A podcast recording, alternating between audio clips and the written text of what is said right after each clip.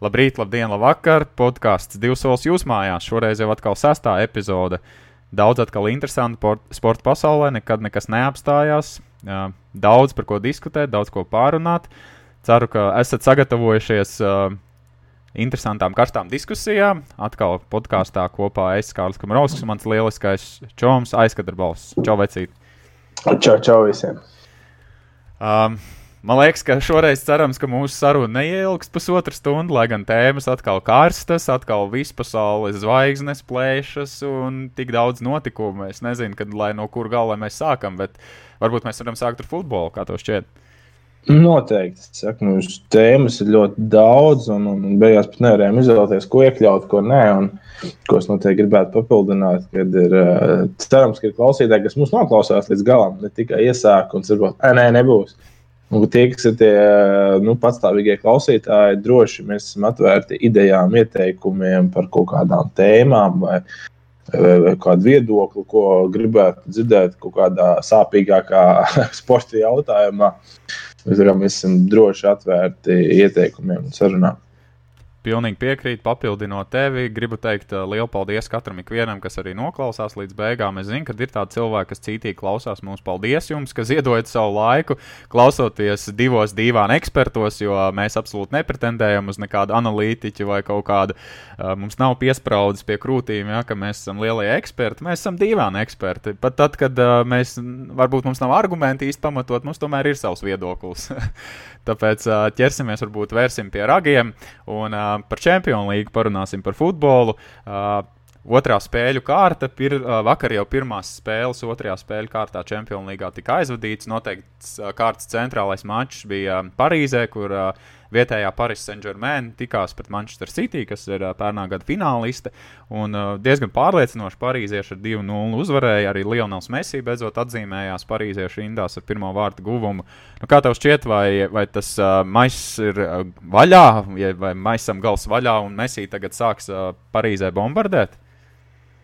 Es tieši gribēju tev uzdot jautājumu, bet tu man jau tieši jautāji, bet tieši te, tev jautāt, vai, vai, vai Parīzi attaisno savu spēku un, un, un monstrualitāti uz papīra. Bet labi, atbildot par Mesiju, es domāju, ka, ka jā, ka nu, iespējams viņš šo sezonas sākumā varbūt nebija tādā formā, un nu, ņemot vērā, ka tas tāds psiholoģisks arī. Nu, Smags lēmums, un jāpamest Barcelonu un visu, un iespējams viņam tas mentālais nedaudz nosēdās. Uh, kamēr atgūst, iegūst jaunas emocijas, iedzīvojās pilsētā, jaunā klubā, sistēmā un visā pārējā. Nu, ir vajadzīgs laiks, un noteikti, nu, redzot, jau, jau viņš ir gols iekšā, kad es domāju, ka nu, Leonelam Mesī, tāpat kā Ronaldo, nu, nevajag daudz laika un iespējas, lai, lai atkal būtu rezultātīvāko uh, topu galvgalī. Bet, jā, un atbildot, ne, bet ar pretjautājumu, vai, vai, vai es, piemēram, neesmu redzējis šobrīd gāzes spēles. Tev vai, tu esi vairāk redzējis lietas, lietas kursā, kā tev nu, izstāsta šobrīd, vai, vai PSG atbilstam spēkam, kas ir uz papīra gribēju tev pilnīgi piekrist par to, ka pēc papīra skatoties, nu, tur ir superzvaigznes novāks. Tur, tur liekas, ka viņiem visiem kā ceļu rulim būtu jābrauc pāri, bet patiesībā tas vakardienas mačs pret uh, City komandu nebija jau nemaz tik pārliecinoši. Un man likās uh, pat zināmā mērā pārsteidzoši tas, cik man, man personīgi nemanāms likās Mbappé. Relatīvi nemanāms arī bija Neimārs. Jā, Messi bija tāds pamanāmākais. Vēl kāds interesants lieta, vismaz kāds 5 vai 6 reizes saskaitīja, ka uh, labajā, man liekas, flangā Messi ir viens pats brīvs, un viņ, viņš dabūja pat celt rokas, lai partneri vispār uh, viņam piespēlētu bumbu. Neko tādu mēs nu, nekad nevarētu iedomāties Barcelonas komandā. Protams, ka ir jāiespēlējās. Un, uh, Un, uh, tas ar laiku nāks, bet vienādi sakot, vispār bija druskuļi vīlēs par to, to spēli, jo bija gaidījis vairāk, jā, it kā divu gūtu vārtu, it kā arī momentu un tā tālāk. Bet man likās, tomēr, ka tās komandas visai piesardzīgi varbūt tādu futbolu rāda, negrib visus tos trumps varbūt jau grupu turnīrā izrādīt.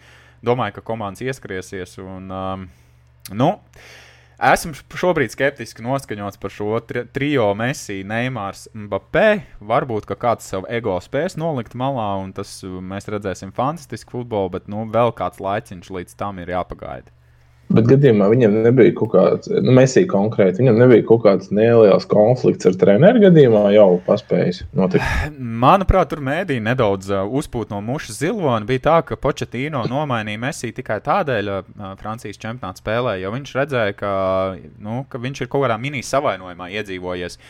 Un, jā, franču prese jau rakstīja, kas tad notiek. Početīno te maina Messi, kas notiek. Jā, bez mazliet viņš pasaules neaizskaramais, bet izrādās, jā, ka viņam bija neliels savien, savainojums. Un beigās viņš to izārstējis un tagad atkal jau spēlēja. Vakardienas spēlē un guva ļoti skaists vārds. Tur bija ļoti skaista izspēle, tā Mbappé ar papēdi. Man liekas, ka piespēlēja Messi, un viņš bija tieši pretī vārtiem. Un kā viņš ar savu kreiso kāju liktā labajā augšējā stūrī. Un tur uh, neko nevarēja. Ko lūdzu? Mēsīs stilā tieši tā, jā, kā viņš jā. arī vakar cits. Jā, jā, un Edersons tur varēja tikai ķeksēt bumbu no vārtiem ārā.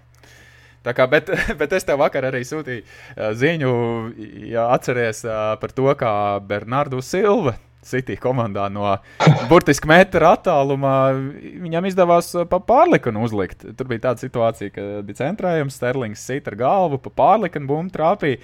Un Bernardo Silta bumba taču kājas uzkrita. Nu, viņa tā nē, protams, tā tur lēkāja. Viņš sit un arī pa pārlikanu uzsit. Un tad pilns Twitters bija, kā tad šī tā var izdarīt, kā profesionāls futbolists šī tā vai netrāpīt. Un, nu, redz, ka var. Tā ir epizode. Tā ir epizode no sērijas, kad uh, grūtāk ir neiesist nekā iesist, bet nu, visādi notiek.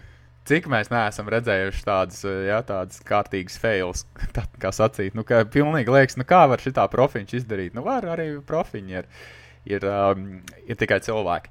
Bet uh, par uh, tādiem pārsteigumiem, varbūt runājot, kas ir pir, uh, otrās spēļu kārtas pirmajā dienā bijuši.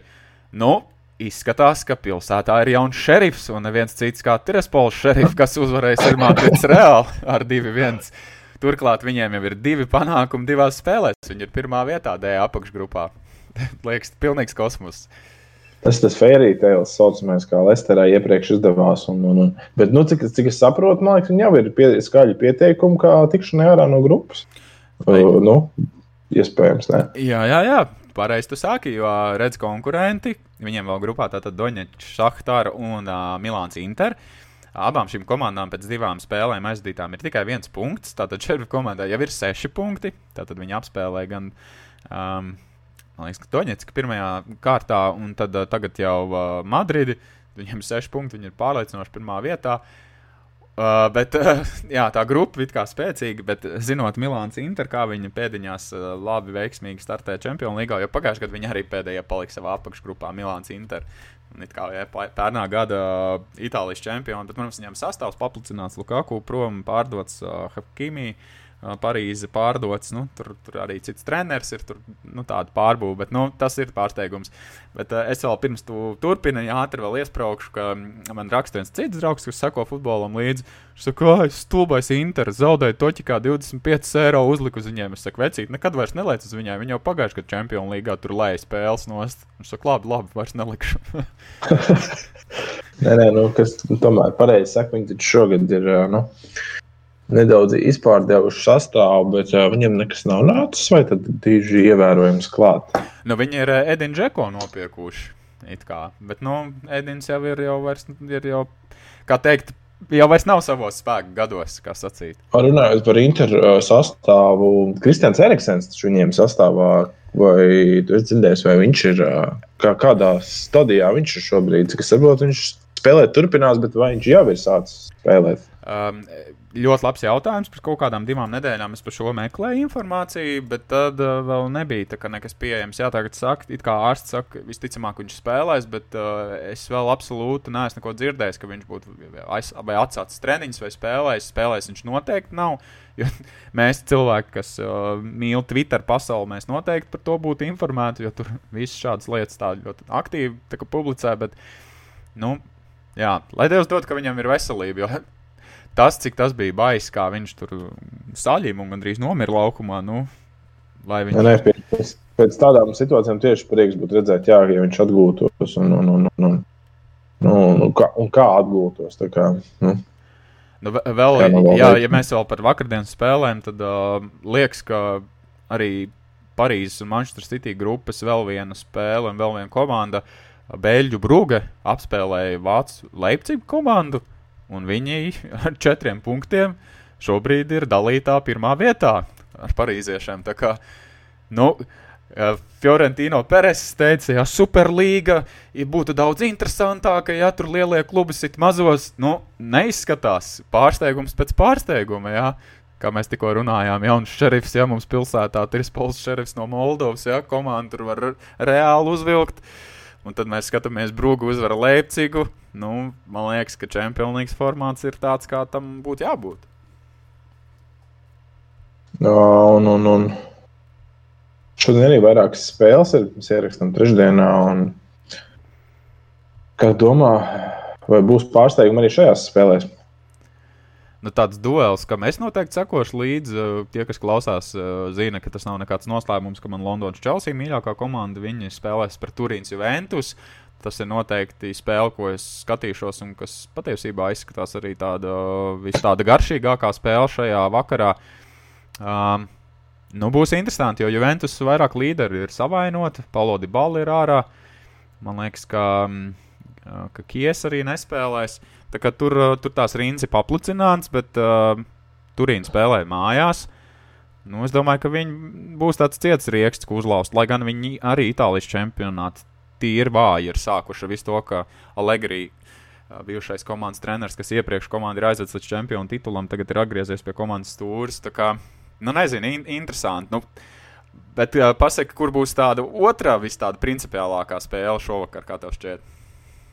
Otra spēle, es noteikti gribētu redzēt Manchester United pret Villarreal. Nu, tas ir, jo, jo iepriekš jau paspējām parunāt, kad nu, pagājušā gada Eiropas līgas uh, fināla mačs un, un, un, un, un, un Manchester United vēl šogad ir vēl citā nedaudz sastāvā. Mums noteikti nu, ieteiktu neitrālam līdzjutējam skatīties to spēli, jo nu, tur uh, būs, nu, vajadzētu būt uh, daudz labākai spēlē, ja, ja to salīdzinu, piemēram, vakardienas spēli PSG pret City. Tad, nu, domāju, ka tās ir abas uzbrukošas komandas un tur vajadzētu būt skaistam futbolam.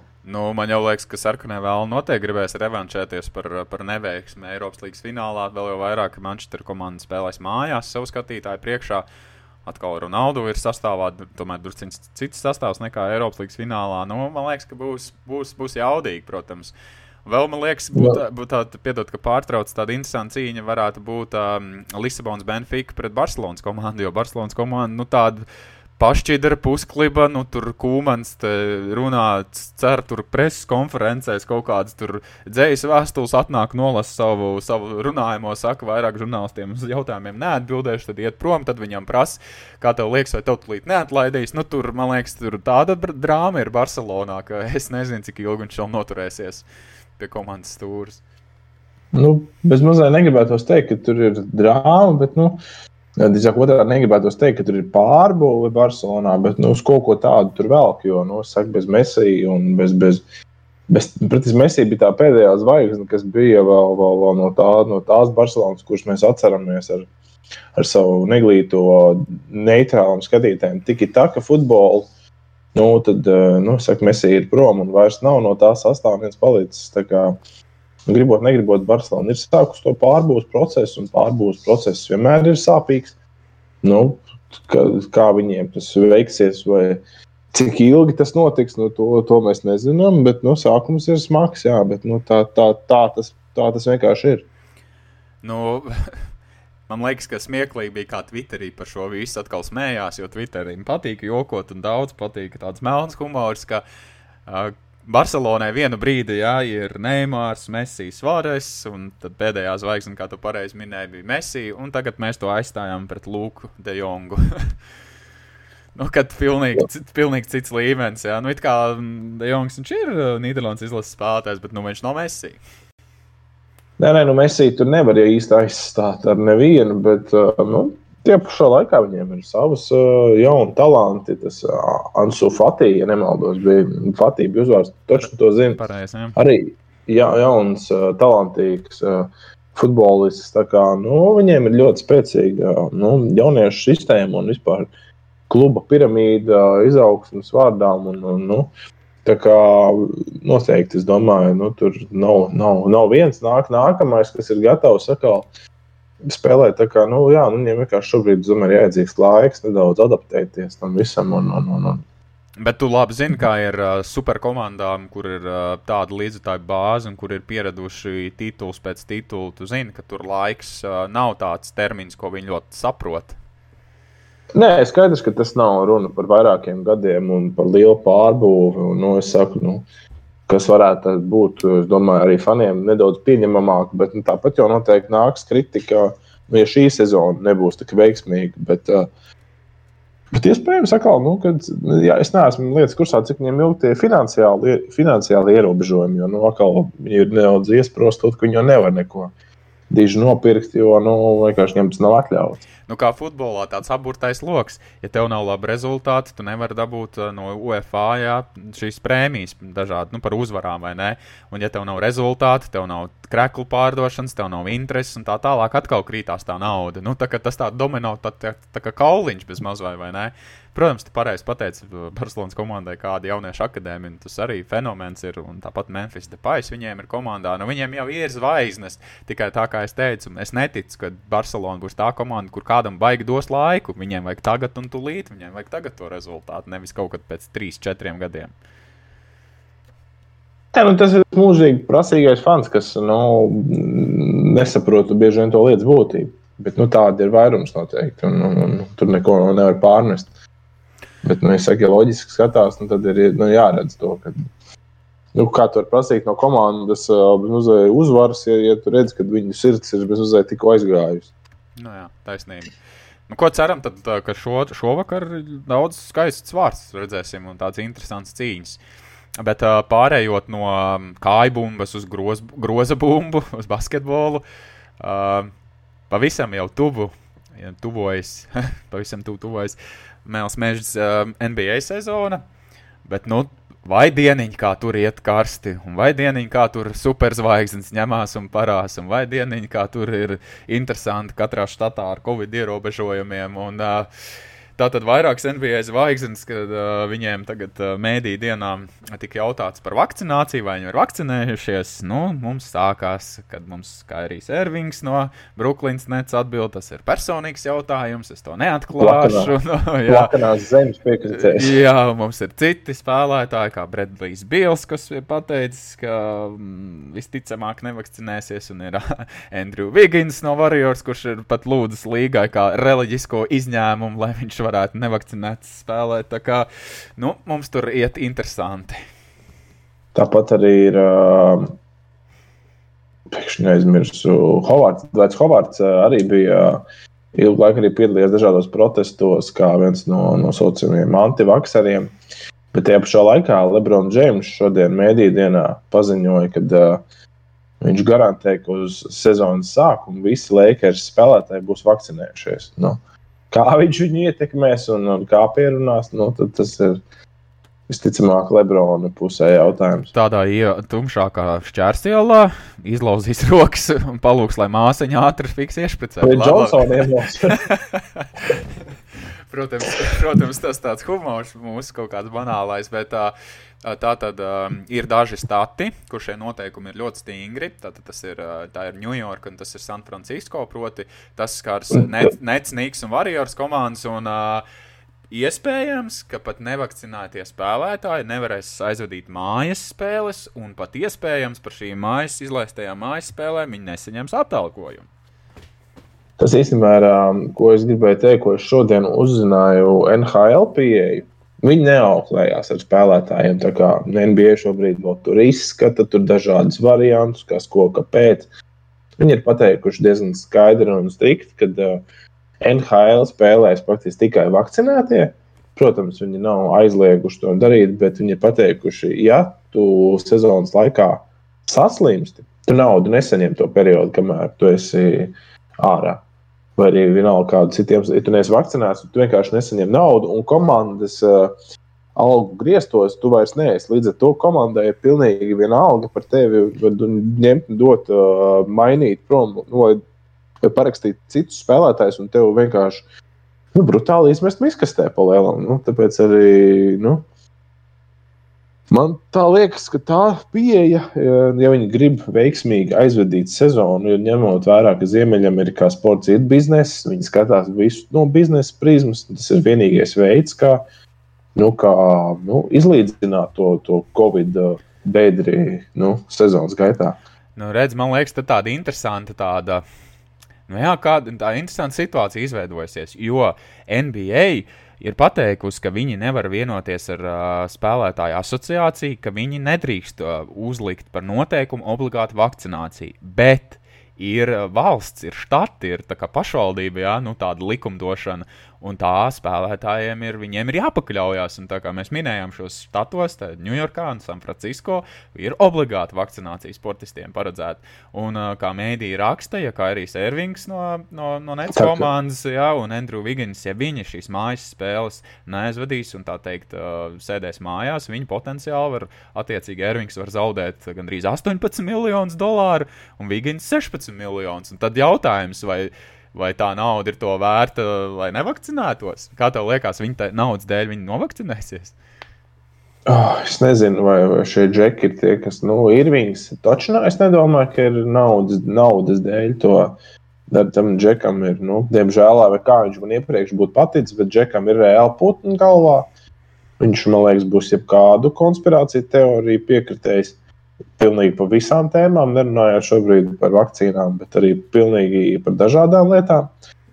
Un, un, un viņš kad saka, ir paziņojis to, ka jūs man aizma, ja jūs mani aizmainīsiet, nu, viņš beigs karjeru no sērijas. Tas nozīmē, ka vienam citam klubam viņš sevi jau ir parādījis, ka ne, ne, neinteresantu ar savu to, ka viņš var pēkšņi nespēlēt. Viņš var tagad, saka, štāta likuma ziņā arī pēkšņi nepiedalīties. Nu, Nu, es nezinu, tiešām, kā tas izvērtīsies. Gan jau, kad uh, Brooklyna vienkārši auklēsies ar viņu. Absolūti piekrītu par, par Kairiju. Man liekas, ka tur točna, tur lūst vai plīst 30 miljoni, cik miljoni viņam vienalga. Ja viņam tā pareizi pateicis, piķis viņam nav problēma. Jā, tā varbūt tautas valodā runājot, tā prasti runājot. Un tagad tu saki, nu, nu Džekam, es nezinu. Nu, Manuprāt, ka viņam ir uh, mentālās veselības problēmas, bet tas ir, protams, mans subjektīvs viedoklis. Jo, nē, nē, nē, nē, es nedomāju, ka uzreiz mentālās veselības problēmas. Nu, vienkārši, nu, zin kā, nu, sportistiem. Nu, nu, ne visiem ir laiks apgūt kaut kādas uh, zināšanas, izglītoties kā, nu, arī ārpus basketbola laukuma. Un, nu, tas tikai pierāda to, ka nu, sports, sports prasa no tevis nu, uh, to darbu sporta ziņā. Un, nu, tas, nu, ir, ir, Tāpat arī, nu, ko es vienmēr teicu, ja Dievs kaut ko dod, nu, viņš kaut ko arī ir atņēmis. Nu, šajā gadījumā ir viņam ir nenormāls basketbola skills, bet, nu, nu kā, diemžēl viņam ir, bet, nu, liekas, ka prātīņš viņam brīžam kaut kur atpaliek visā tajā.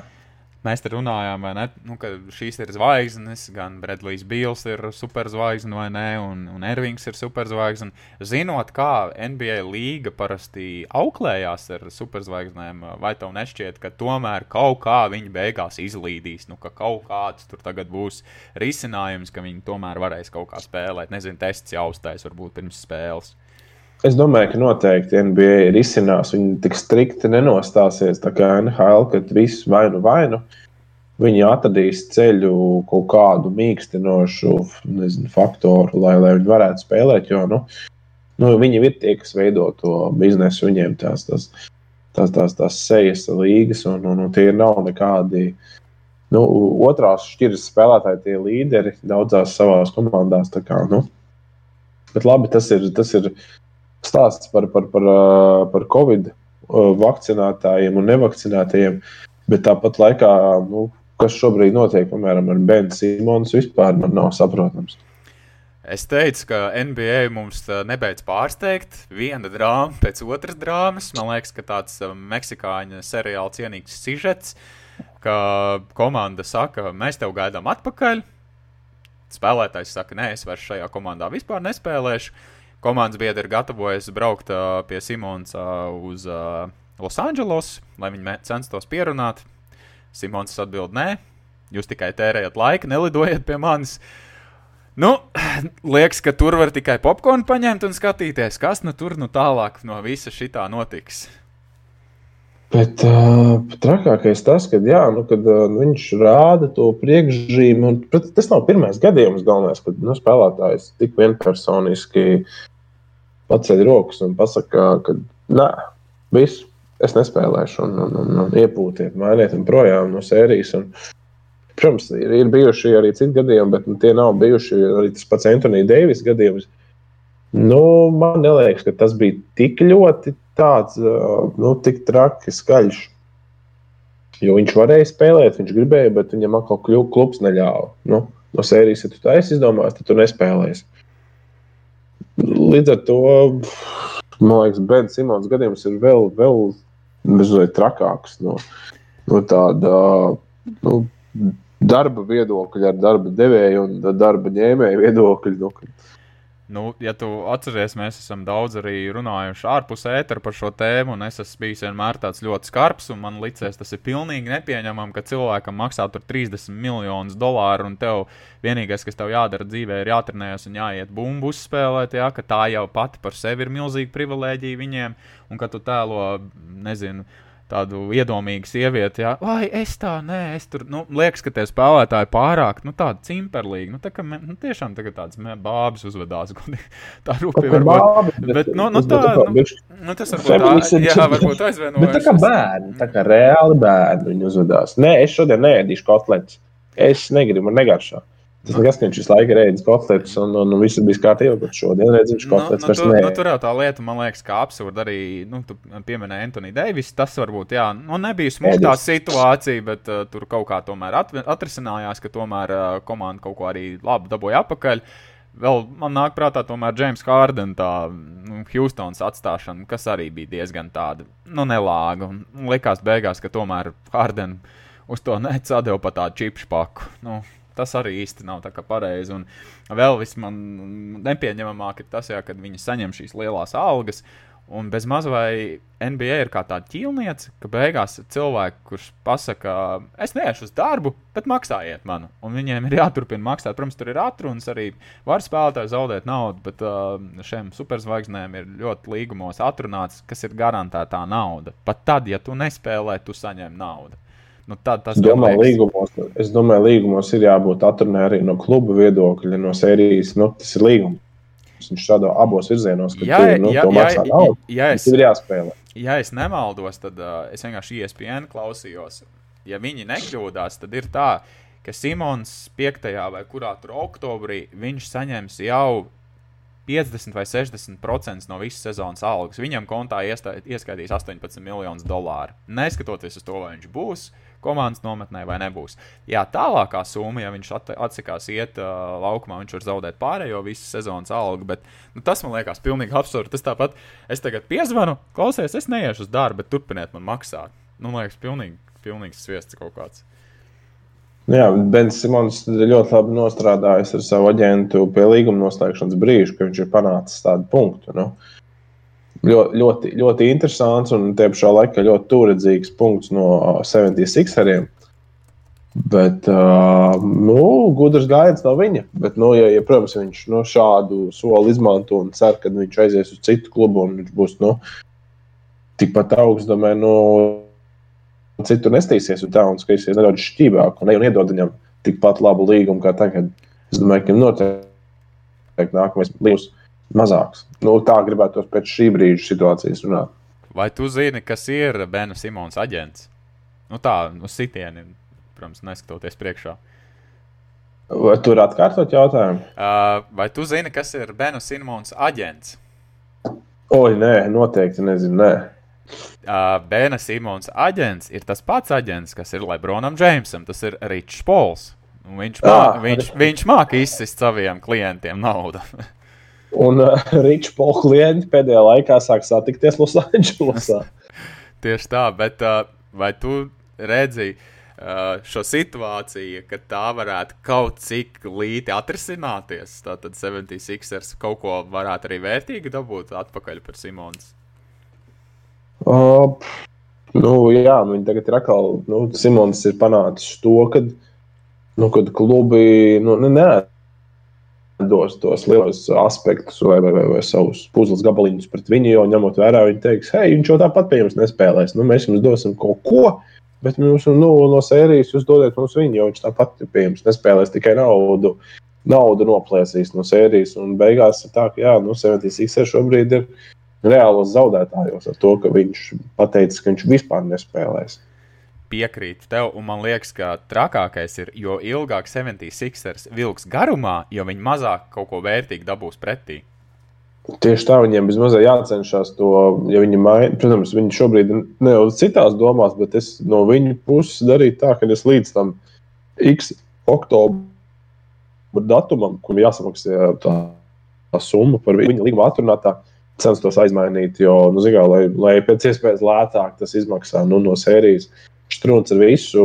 Nu, Neizdevās, un nu, dodam prom, nezinu, ko tādu pret uh, drafta pikiem. Nu, tāpat arī Okafors viņiem bija, kas vispār aizgāja, aizbrauca prom bez mazliet pa brīvu. Tā kā nu, drafts ir tāda loterija, nu, kas var izvērsties par negatīvu. Nu, bet vispār, vai, vai, vai, vai Bens Simons un viņa spēles stils ir, ir, ir, ir uzvarētāja spēles stils, kas var kādā klubā dot uh, nu, beigo pienesumu zinot, kāds ir mūsdienu NBA stils, nezinu, man ļoti nepatīk. Kā, nu, tas, Viņa spēles stils šobrīd. Nu, vispār basketbolā bez metiena ir grūti, bet man vismaz cik tajos video ir redzēts, nav jau tā, ka viņš nevarētu to trinīt iemest. Viņš var iemest, tikai viņš to nemet. Un man jau liekas, ka tur atkal ir kaut kāda psiholoģiskā kaut kāda ne, trauma vai kaut kāda aizturba. Vai, nu, vienādi sakot, man liekas, ka ka viņš varētu, bet vai viņš negrib, vai viņš baidās, vai viņam neļauj, vai nu, kas to lai zina. Bet uh, man liekas, ka īstajā komandā viņi varētu labi izmantot. Bet tad viņam ir jābūt vairāk tādam, kas spēlē uz komandas labā, dod piespēles, iet caurgājienos, ka viņš ir kaut kāda otrā, trešā viola, ka viņš nav līderis komandas. Es zinu, kur viņš perfekti redz tagad, Šternē, Golden State. Viņš ir perfekts starp veseliem Kariju un Thompsonu. Šo variantu jau starp citu arī runā, bet eh, runā, ko dot pretī tiem 76eriem un vai. Vigīns vai... paši nespēlētāji. nu, nezinu, vai viņi vai kāds ņems to lielo līgumu tur pretī. Un, ja, piemēram, tur, nu, labi, viņi tur atrod to kaut kādu paciņu, viņi tur Vaismanu varbūt iedod, tur, nezinu, Vigins Vaismans, tur pretī tas Simons.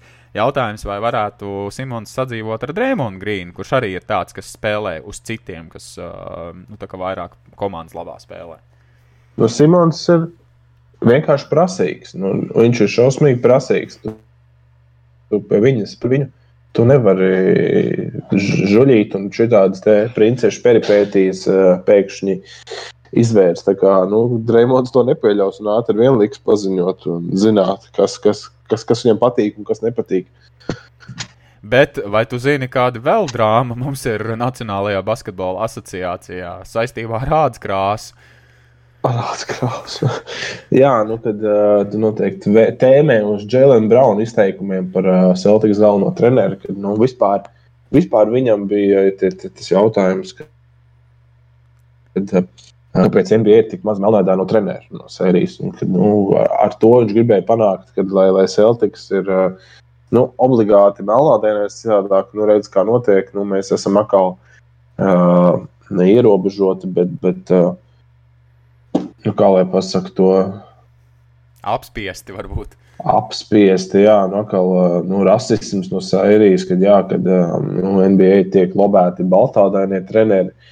Bet no vienas puses, no ārprāts, no šī tā mūžīgā ņemšanās, bet nu, kur, nu, lai vai NBA to teikt, nu, tas ir ārprāts. Nu, tad Es tev, nu, es, es tev piekrītu. Man, man, man tie izteikumi liekas tieši rasistiski. Nevis nu, domājot par rasu tieši, kādu vienlīdzību, bet man tas tieši pretēji liekas.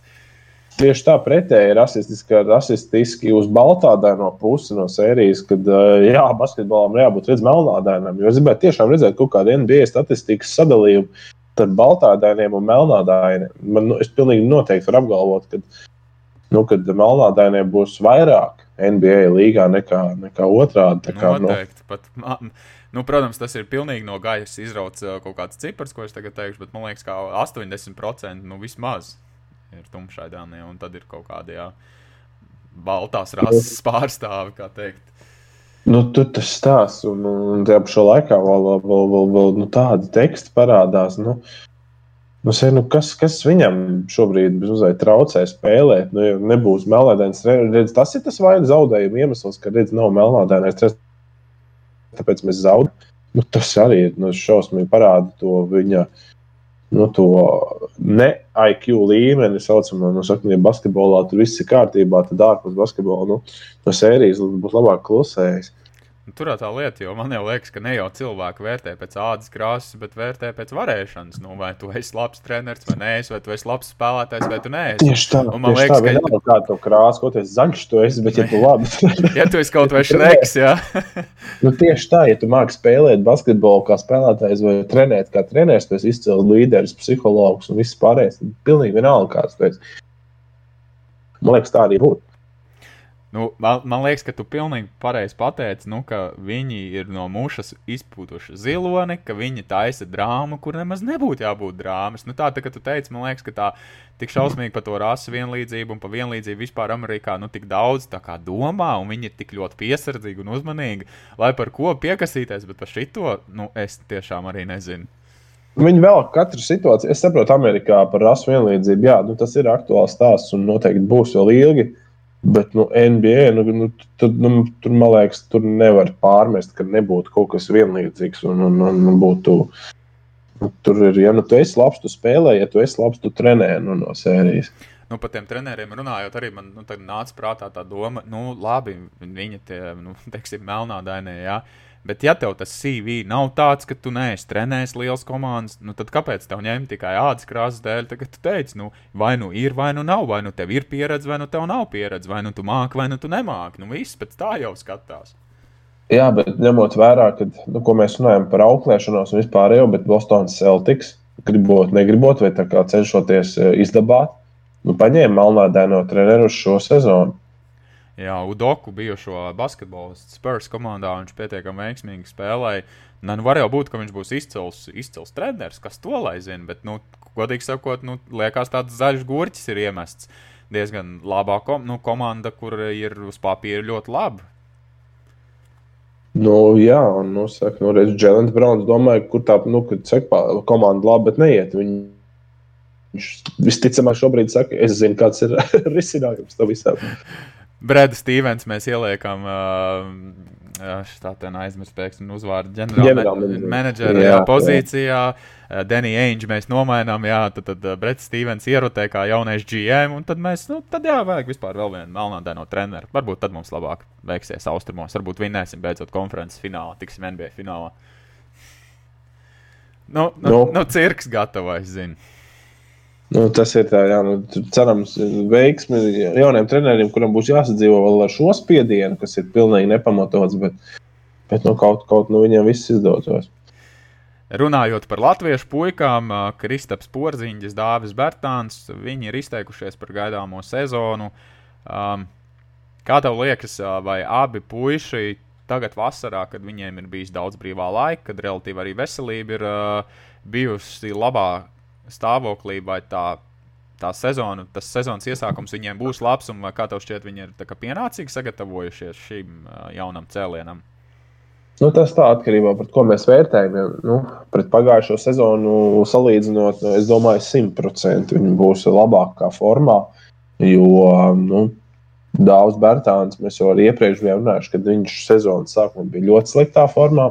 Nu, viņam Covid arī Kozi... bija tur. Jā, jā, viņam bija Covid, kas visu atmet atpakaļ jau sezonas sākumā. Kristaps Porziņš nāca ārā no traumas. Nu, es domāju, lai vai ko viņi vasarā būtu darījuši, kā ballējuši, kādas restorānas apmeklējuši, viņi būs labāki, jo viņi pirmkārt būs mentāli atpūtušies. Un otrkārt, tas, ka šogad sezona jau bija sen jau zināms, kad viņi sāksies, jo pagājušajā gadā ilgu laiku nebija zināms, kad tad īsti būs vai būs. Un, un līdz ar to arī sagatavoties. Nu, tas tur nav divu nedēļu jautājums, o, iešu paskrietē, bumbu pamētāšu un būšu gatavs. Nu, tas ir nopietns darbs, gan psiholoģiskais, gan fiziskais, gan nu, viss pārējais. Arī tu iedzeni sevi bedrē, tev ir arī no tās bedres jāpaspīlīst ārā pirms sezonas, lai pēc sezonas vai, vai īstajā brīdī tu būtu tajā pīķa formā. Tā kā noteikti, nu, noteikti es domāju, ka viņi būs labāki. Nu, cik labāka, ņemot pārējām ārējām sezonām, ko viņi aizdījuši. Nu, cerams, jau porziņš jau arī treneri gaida. Un, un, un, un kas izteica to, ka viņš, ah, laikam, Kits pats teica, jā, ka viņš grib redzēt porziņu, un viņam ir tāds cerības, ka redzēt porziņu pirms traumas, niks formā bezmaz vai. Nu, tas jau būtu kaut kāds uh, zelta stāsts, ja, ja Kristaps varētu kā Nikos spēlēt. Bet man liekas, ka tur tā problēma ir tā, ka Nikos jau viņš tomēr bija izteikts līderis. Nu, viņam ļāva daudz spēlēt, daudz mest pa grozu un tā tālāk. Nu, viņš tur bija pirmā viola. Mēs zinām, kas Dallasā ir pirmā viola. Pirmā viola ir Luka Dončičs. Bet interesanti, ka Kits uh, teica um, par Dončiču, ka viņš redz viņu kā Picasso, kurš, uh, kuram ir jā, jāiemācās izmantot visas krāsas, krāsu paletē. Nu, tā. Nu, tieši tā, Dončič, Dončičam ir spēja, nu, tas, Donči, Dončiča skillset, un arī redzēt, kas notiek Olimpijādē un izlašu spēlēs. Ap viņu spēlētāji paliek labāki, viņi arī psiholoģiski ir nu, daudz spēcīgāki. Iepriekš, kas bija par problēmu ar Kristapu, vai tas tiešām bija galvenais treneris, kas ierobežoja tās darbības, vai kas. Un, nu, tur ir, iesp tur ir iespēja, iespēja bet pamatotas pozitīvas, kā, pozitīvs vektors tajā visā, ka tur tiešām varētu notikt nu, saka, arī lielas lietas. Jo nu, nu, džekiem ir, ir, ir tas, tas, tas skills, tas mūsdienīgais NBA redzējums, kad viņi var būt nu, ļoti, ļoti augstu un arī kā klubs, un ne tikai kā spēlētāji. Nu, man, es jau to esmu teicis, un man tas liekas, vēl joprojām ir aktuāli. Jā, gadījumā Kristapam šī sezona nebūs sevišķi veiksmīga, es domāju, ka viņa aizmainīgs. Tāpēc līdz ar to es uzskatu, ka šī sezona viņam ir ļoti, ļoti svarīga. Par to, ja viņš atradīs atkal savu ritmu un savu spēli, un, un Kits ir teicis, ka viņš viņa porziņu redzētu pa piekto numuru, kas vairāk tomēr zem groza un, un postā spēlē un ar muguru pret grozu. Nu, ja viņš uh, varēs labi savas kvalitātes pierādīt, tad nebūs problēmas. Nu, redzēsim. Nu, tas, ka porziņģim ego ir liels un Dončičam vēl lielāks, un ka bumba ir viena un uh, gribi vis, visi grib iemest un visi grib būt zvaigznes, nu, nu redzēsim. Nu, nezinu, es esmu. Nu, pabeidz, pabeidz. Nu, es esmu skeptiski noskaņots, to es gribēju teikt. Bet īstenībā Kristaps arī ir neliela princese šajā gadījumā, jo tagad arī mēdī dienā tika atklāta informācija, ka tieši pēc playoffs īsa brīdi Kristaps gribēja tikt aizmainīts. Akal, kā pirmās problēmas, kā kaut kādas pirmās neskaņas. Viņš jau visu, jo es braucu mājās, es te negribu palikt no serijas, tā kā Ņujorkā notika. Nu jā, grū, grūti prognozēt. Un arī Dāvim arī jauns treneris ir, bišķiņa arī sastāvs ir pamainījies pēc tās, pēc tās mājas, ka viņi dabūjām. Um, kā Elu Kuzmu viņi dabūja, un ko viņi vēl Spencer Dinvidī, man liekas, viņi pie, piesaistīja. Jā, jā, kā, jā, jā, kā, kā Kaldvels Pops viņiem ir pievienojies. Nu, līdz ar to, nu, restīvi, ka viņi aizmainīja Westbrook projām, viņi dabūja šos Lakers džekus apakaļ, un tad, jā, viņi to Dinvidī parakstīja.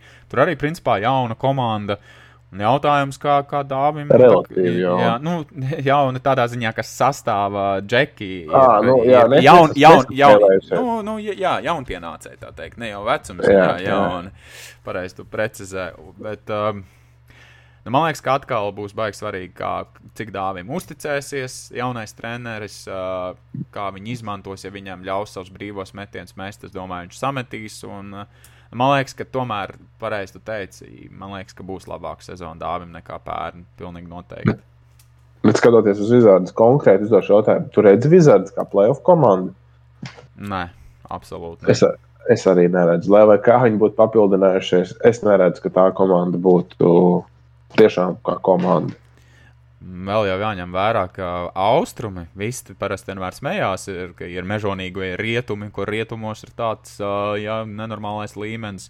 Nu, es neteiktu, ka austrumi būtu baigi švakāki. Tās labākās komandas, tās astoņas, nu noteikti tur ir ļoti labas. Tā kā, vai, nu, net, netic. Ja vēl, ja paliks tas tā saucamais play-in turnīrs, nu tad varbūt viņi var aizķerties. Bet tad. Uh Par Wizards es tevi sapratu, es tev piekrītu, bet ko tu domā par Dallasu? Vai, vai, vai viņi būs playoff komanda? Un, un kāda? Es domāju, ka playoffs viņi noteikti spēlēs, bet uh, ja viņi vēlreiz izskatīs pirmajā kārtā, nu, kaut kas viņiem ir vairāk jāmaina, viņiem vairāk ir jāpārdomā. Jo viņi tomēr visu laiku, visu šīs sezonas ir teikuši, mēs gribam čempionu titulu, mēs gribam čempionu titulu, mēs cīnīsimies, mums ir labs sastāvs, mums ir labs treneris, mums ir lielisks uh, īpašnieks komandas un tā tālāk un tā joprojām. Ja viņi netiks arī šajā sezonā tālāk pa pirmo kārtu, nu, viņiem ir jādomā stipri, ko viņiem mainīt. Vai viņam ir noteikti vajadzīgs vēl viens puzles gabaliņš? Šobrīd nu, es, es ko redzu, kad jā, ok, ir porziņš, ir Lončičs un, un pievilkts trešais aiz ausīm Hārdevējs.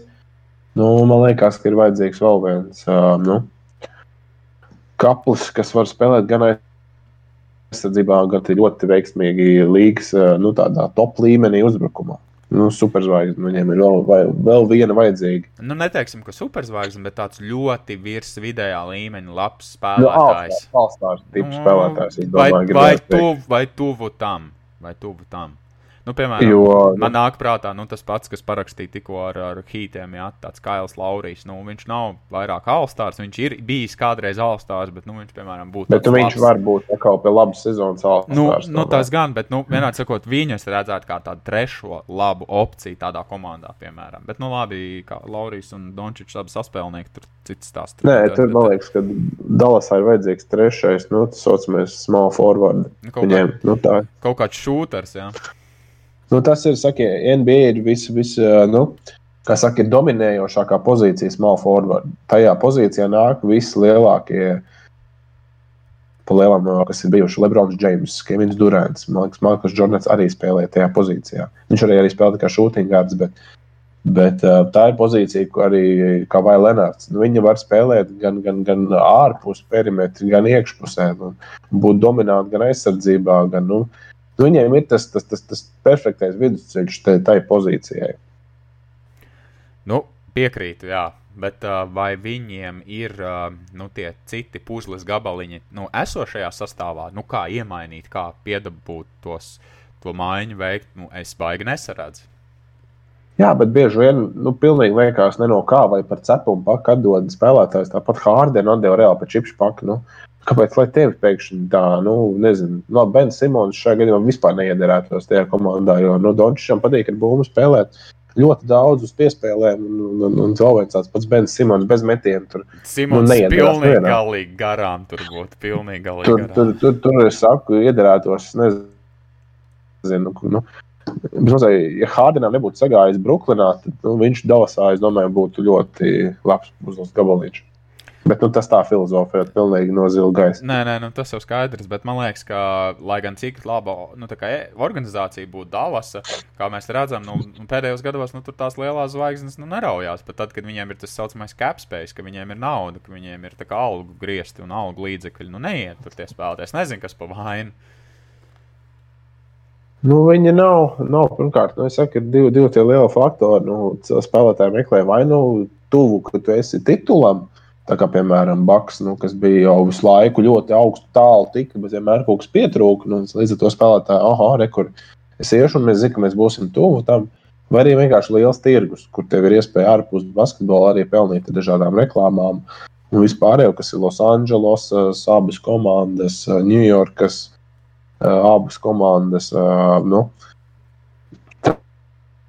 tas ir atkal tas, tas otrs faktors. Nu, Dāvidas arī nav maz, bet nu, tomēr eh, nav, nav, tā, nav tā metropola. Mm. Labi, mēs te baigi par basketbolu aizrunājušies. Varbūt pāriesim uh, uz sporta veidu, kur uh, nevis kaut ko met grozā vai kaut kur spēr vārtos, bet uh, par sporta Kā, veidu. nu, nes par uh, gluži ar kāju, bet uh, met ar ripu, proti par, uh, par hokeju, par ledus hokeju. Uh, Um, mums te ir interesantas ziņas, varbūt um, nākamajā gaidāmajā olimpiādē pat uh, rīkotāja valsts uh, Ķīna. Varbūt pat varētu tikt izmesta no dalībnieku skaita, un varbūt Norvēģija iekļauta. Kā tu uz to raugies, vai tiešām būs tā teikt, uh, lielajiem vīriem olas šo milzīgo valsti izmest no, no hokeja turnīra? Nu, jau pa, pa lielam, uh, nu, Sen nav bijis tā, ka uh, rīkotāja valsts tik nozīmīgā sportā ir tik ļoti, nu, negribētu teikt, atpalikusi no, no pārējiem, bet nu, viņi reāli ir nu, krīt ārā uz to pārējo fonu. Jo, piemēram, kad bija Pjončānā, Dienvidkoreja izcīnīja šo olimpisko nu, ceļzīmi. Protams, viņiem tāpat izcīnot olimpisko ceļzīmi visās spēlēs bez zaudējumu kopā ielaidām 27 vārdus minusā. Viņi bija.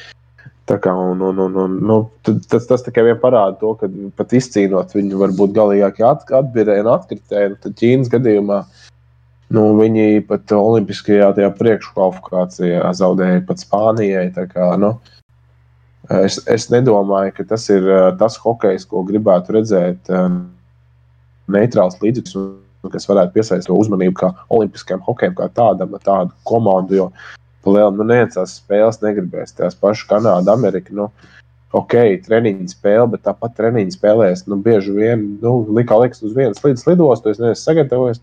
Un tad bieži vien tādas negaidītas traumas, nevajadzīgas parādās. Nu, Palielam, tā spēle nevienam nebūs vajadzīga. Jūs zināt, ka to, ka nu, pat paši ķīnieši ir pateikuši, ka te Kanāda spēlē divu tādu bez vācēm, mēs tāpat stabili zaudētu. Nu, tad, uh, Tas tik skarbi nu, tad... izklausās ārprāts. Nu, es saku, visi aspekti ir tikai pret to, nu, kāpēc nu, reāli nu, tikai spēlē, tikai tā iemesla dēļ, ka viņi rīko. Nu, tipu, bet, bet, bet viņi maz... taču zināja, ka viņiem būs komanda vajadzīga. Bet tāpēc viņiem netika uztaisīts Kunlu un Red Star, kas KHL spēlē, lai būtu šiem ķīnas hokeistiem, kur to ķīnas hokeju attīstītu un viņus uzdabūtu to olimpiādu. Tas plāns nu, jā, bet... viņiem ir pilnīgi fiasko tātad piedzīvojis. Nu, ne fiasko, bet, zināmā mērā, nu, ir, ir, sports kur tu vari ar lielu finansējumu panākt tos rezultātus, piemēram, astoņu gadu laikā vai tā tālāk. Bet nu, hokejs kā komandas sports, tu, tur tu nevari tā pēkšņi, jo tur dosim lielu naudu.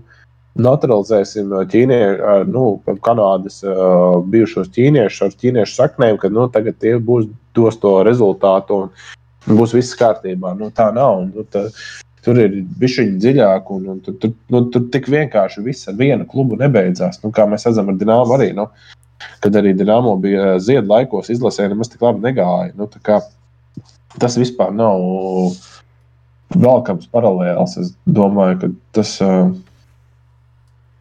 Bet no otras puses, nu, nu labi, nu, Norvēģija. Kāpēc Norvēģija, kāpēc ne Francija, kāpēc ne vēl kāda cita komanda, kāpēc viņiem tieši tāda kaut kāda zema? Viņi skatās pēc ranga, un tuvākie rangā, kas nav bijuši, ir Norvēģi. Bet man atkal liktos, nu, tā taisnīgi arī tomēr to olimpisko kvalifikācijas turnīru, ja jau reiz tāds tika rīkots. Nu. Nu, dot izcīnīt to, to atlikušo. Jā, nu, tiem, kas palika pirmajās svītras katrā grupā, lai viņi izspēlē vēl vienu mini turnīru, un tad redzēsim, varbūt Francija būtu pelnījusi tāpat laikā. Nevis, Jā, nu, tas, tas, tas, ir tāds, tas ir tāds perfektais sapnis, bet eh, nu, reāli jau tas nav. Ja tur, nu, zigā, tas ir gan jāparedz iepriekš, gan uh, Nu, kas tad viņā spēlēs, ņemot vērā, ka uh, Olimpisko kvalifikāciju tagad spēlē vasarā, kad ir pilnīgi teorētiski visi labākie pieejami arī NHL spēlētāji. Nu, tad tagad sezonas ir sākušās. Nu, kurā brīdī viņas to darīs? Un, un, un, un, nu, noteikti, es domāju, tas nebūs kvalifikācijas turnīrs, bet tur nospēlēs tas rangs. Un, un, un, un, un, manis pēc labāk, lai tā ir Norvēģija nekā Ķīna, jo nu, tas ir pilnīgi, tad vismaz tā spēle iegūst kaut ko. Jo, nu, redzot, ja Ķīna spēlē, es noteikti tās spēles negribēšu pat redzēt. Nu, tur, es zinu, ka tur nekas nebūs skatāms. Nu, ja, ņemot vērā, ka. Nu. Nu jā, nu kāda, kāda, kāda jēga arī neitrālam hokeja līdzutējam uzslēgt spēli un redzēt rezultātu, piemēram, 15-0. Nu, Nu, pilnīgi nekāda. Un tur jau tā lieta, ka ņemot vērā, ka Olimpijādas hokejs ir tas četri gadus skaistākais, un, un tā, talantīgākais un, un kvalitatīvākais hokejs, nu, tad šādi tu pilnīgi to degradē. Jo rēķina to, ka tajā grupā, kas, kur spēlē, ja nemaldos, Kanāda un ASV un Ķīna, un kas bija trešā valsts, es Vācija, vairs neatceros. Vācija nebija gadījumā. Jā, Vācija, nu, tad ņemot, nu, tur visiem būs nenormāli daudz punktu. Un tu nevarēsi vienkārši salīdzināt tos nu, individuālos spēlētāju punktus ar pārējām grupām. Nu, jo tas skaidrs, ka tu spēlē pret, pret, pret, pret, uh, pret Ķīnu. Un skaidrs, ka tu savāksi katrs nezinu, top spēlētāju. Nu, iedomājies, nu, es šodien dzirdēju, ka uh, Kanāda ir trenējusies uh, pirms, pirms sezonas treniņu nometnē nu, ar domu par olimpiādu. Makdēvids ar Krosbiju vienā maiņā. Tu vari iedomāties, ko viņi izdarīs ķīniešiem. Viņi mentāli viņus sagraus. Bet man liekas, iedam, bet man liekas zin, ka, ka kaut kāds zemūdens akmens ir tajā, ka Ķīna ir tik varena valsts ar tik varenu naudu, ar varenu tirgu un vēl vairāk tas politiskais tas konteksts, kas viņiem ir komunisms vai ne. Es neesmu pārliecināts, ka baigi uzdrošināsies šādu gājienu nu, izdarīt. Lieta, jā, tur, tā lieta, nu, tur ir tas otrs, tas, tas uh, kas saka, tā, tā otra pu puse, jo nu, kad, tiešām tas, tas nav tik vienkārši kā hop, hop norotējam un ieliekam citu vietā. Nu, kad tiešām tur vajadzīgs, nu, Latvijas ne, bet tautas valodas ir rītībā bumbām jābūt, lai, lai būtu iekšā to viņus noņemt. Jo, nu, ņemot vērā, cik kāda liela var viņi ir, nu, nu, viņi var izdomāt arī pēc tam visu kaut ko citu.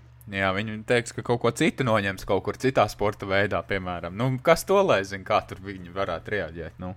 Jā, jo tas tā, tā tur nav mazā nācija, kas, kas, kas baigi klust. Bet kā no vienas puses, pēc kam viņiem to vajag, nu, es to nesaprotu. Nu, nezinu. Es saku, man liekas, ka tur vispār ir. Uh, ka viņi tomēr grib ar visu to, ka viņi dabūs 20-0 pa muguru, jo viņi daudz naudas ieguldījuši. Nu, tas kungs, nu, tajā kā HL tur cīnās, nu, tur budžets ir miljoni ieguldīt, halas uzcelts, nu, nu ka kaut ko jau viņiem vajag kaut kādu atdevi no tā visa. Kā halas pat nav uzcelts, un kungs šobrīd spēlē bijušajā um, Mitišķa Atlanta arēnā. Piemaskavā. Nu, tad tas, kā, tad tas ir nu, vispār aiz matiem pievilkts pasākums. Nu, šobrīd Koloņas ir vienkārši smieklīgs projekts. Nu, reāli smieklīgs. Bet uh, par kaut ko priecīgāku, ne par cirka izgājieniem Ķīnas hokeja, bet par, par Elvis Līkina piecu gadu jauno līgumu ar Kolumbus. Elvim normāli naudiņi ieripos uh, kontā, bet uh, lasot komentārus vai kaut kādas uh, ekspertu pārdomas, kāds saka, ka varbūt Elvis drusku pasteidzies. Kā tev liekas, vai tas piecu gadu līgums nav drusku pa ilgu? Oh, es tiešām lasīju tekstus, ka Elvis ir reāli pārmaksāts tagad. hmm. tā, kā, tā kā ir divi dažādi. Nē, nu, kā, nu, es tomēr ļoti atbalstu viņu piecu gadu līgumu, jo tomēr. Nu, Nu, tā ir tev drošības garants. Nu, kā, nu, var aiziet karjeru, var neaiziet karjeru. Un, un, un, pēc šiem pieciem gadiem, tu zini, ka tu esi nodrošinājies nu, tālākajai nākotnē, un arī, ja tu skaties arī ārpus, ok, nu, tomēr viņam ir ģimene tagad, un, un, un, un par to ir jāšanās, un hokeja karjera ir īsa, nu, reāli īsa, tā var būt. Ir īpaši vārdsargiem, kas reāli sāk spēlēt, nu, izņemot pāris gadījumus, nu, pēc 25 gadiem normāli NHL tiek pie vārda vispār, tā kā, nu, viņiem tā karjera vispār ir desmit 12, 13 sezonas iespējama. Nu. Nedodies, nu, pēc nu, Elsa aizvīja labu sākumu, viņam iedeva labu ciparu. Varbūt, nezinu, viņam vairs nebūs neviena, kaut kā es samalotos, bet nu, var arī tā būt, ka viņam neaiziet vairāk, viņš nekad nav tik augsts, kā viņš bija tajā līguma slēgšanas brīdī, un nekad viņš tādus ciparus vairs neredz. Nu, tā kā ir tas risks, un šobrīd viņš izgāja to drošo ceļu, viņš paņēma to uz ilgāku laiku, un, un būs, būs, nebūs, nebūs vairāk. Nu. Tā kā es uzskatu, ka ļoti, ļoti pareizs lēmums, un tas arī nav mazs cipars. Ņemot vērā to, ka uh, pēc nākamās sezonas Elvis būs 12. vislabāk apmaksātākais vārdsargs līgā. Bet uh, tas termiņš, pieci gadi, tagad saka, pareizi ir labs spilvens, un tā nauda arī tā kā laba. Vai šis līgums, šis arī tādas uzticības kredīts no organizācijas puses, vai tas nozīmē, ka Merzlikins tagad ir stabili pirmais Kolumbusā un Korpus Salo var kramāt Čomidons un viss viņu maina projām? Um, nu, viņi jau gribēja mainīt jau pagājušajā sezonā, prom, bet uh, tad viņi laikam, cik saprotu, pat nevarēja. Nu, nu, tur visu laiku ir runas par maiņu, bet, protams, ka viņu galvenais, sapratu, Kolumbusā ir galvenais ģenerālmenedžers Soms, un, un, un, un, Korpusālu arī ir Soms. Tā kā viņš jā, savu tautieti grib aizmainīt, protams, presē skaļi to nesakot. Viņš teica, ka viņš šo situāciju vispār negrib komentēt, ka viņam šobrīd ir divi stabili vārdsargi. Viņi spēles laikā nestīsies, kas, kuram ir algas čeks. Reāli spēlēs tas, kas ir vislabākajā formā un, un, un, un, un ķerrips tajā brīdī. Bet, protams, tās ir runas mēdījiem, bet reāli tajā pašā laikā viņi meklē, kur viņu aizmainīt. Jo nu, skaidrs, ka uh, Ne korpusālo jūtās ērti, ne elvis, kad ir šī šāda situācija, kad nu, ir divi vācēji, kas grib būt pirmajā un uz viens, viens uz otru šķīvi skatās. Bet vai šis līgums, tātad Elvim, ja nemaldos, 24 miljonus, pareizi saku, bija tas līguma cik, cipars kopējais, vai tas ir nu, tāds hokeja mums tas ir lielākais, kāds jebkad ir bijis? Uh, hokejā, man liekas, tas ir lielākais, kas bijis. Jā. Jo, Cik es, nu, man liekas, kaut kur figurēja par Ozoliņu sāntu, bija kaut kādi arī 20 miljoni viņam savulaik bijuši, bet īstenībā pat padomājot, tas bija pirms vairāk nekā 20 gadiem, un tad viņam iedeva 20 miljonus. Tad liekas, ka Ozoliņam tas līgums ir bijis daudz, nu, iespaidīgāks. Nē, nē, tas, tas ir daudz, nu, inflācija darījusi savu, visi cipari ir gājuši uz augšu, un, un, un, un, un nu, Ozoliņa cipars praktiski, jā, salīdzinot, ir līdzīgi. Arī, bet, cik es saprotu, vecumos viņi vienādos ir noslēguši šos līgumus vienādā. Vienādos, un, un, un, bet nu, tas ir pilnīgi nesalīdzināms. Un Ozoliņa tie cipari mūsdienās, nu, ja tie arī bija 5 miljoni sezonā, tad noteikti mūsdienās tie būtu 7, 8 miljoni sezonā pat iespējams. Tā kā, nu, tas ir baigi nesalīdzināms. Līdz ar to pēdējo gadu laikā NHL mums nav bijuši skaļi līgumi.